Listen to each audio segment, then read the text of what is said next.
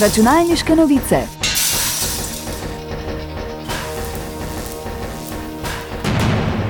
Prisluhnite novostim in zanimivostim z področja računalništva.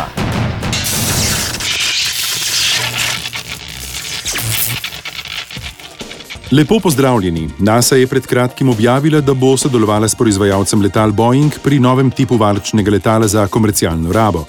Njihov cilj je zmanjšati emisije letalskega goriva in vpliv komercialnega letenja na podnebne spremembe. Agencija upa, da bo njen trajnostni projekt Sustainable Flight Demonstrator, v katerem razvijajo novo strukturo letalskih kril, revolucioniral komercialno letenje. Z Boeingom bo NASA konkretno sodelovala pri načrtovanju in izdelavi novega letala, ki bi lahko porabilo do 30 odstotkov manj goriva v primerjavi s sedanjimi zasnovami letal. Izpostavljajo še, da bi to lahko vodilo do cenejših letalskih vozovnic. Računalniške novice. Patenti so lahko pogled v to, o čem podjetje razmišlja. Pred kratkim je Apple prejel patent za mehanizem za sprostitev paščka na uri Apple Watch.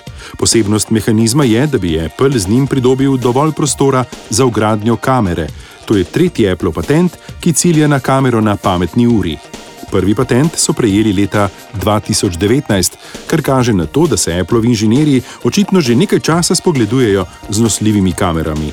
Najnovejši koncept bi omogočal hitro odstranitev ure z paščka, uro pa bi lahko potem uporabili kot klasični fotoaparat. Računalniške novice.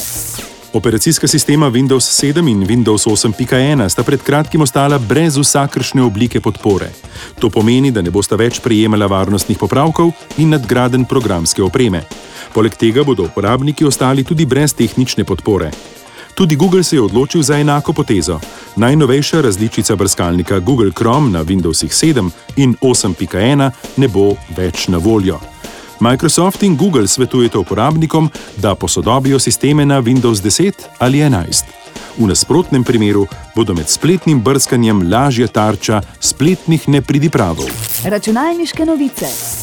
Tako imenovana elektroceutika se zoprstavlja klasični farmaciji in medicini, saj strokovnjaki napovedujejo, da bo vse več ljudi odvisnih od nosljivih naprav za spremljanje in ohranjanje zdravja, kakršne so usajeni elektrostimulatorji, srčni spodbojevalniki, merilci pritiska in utripa.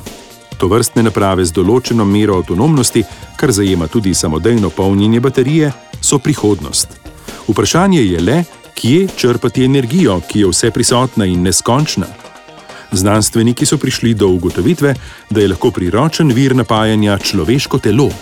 Biobaterije, ki se napajajo z energijo človeškega telesa in proces zbiranja energije iz zunanjih virov, bi lahko to vrstne naprave naredili energijsko avtonomne, s čimer bi odpravili potrebo po invazivnih posegih za zamenjavo praznih baterij.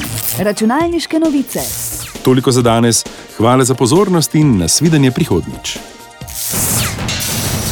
Novosti in zanimivosti je za vas pripravilo uredništvo revije Računalniške novice. Prisluhnete nam lahko ponovno naslednji teden ob istem času.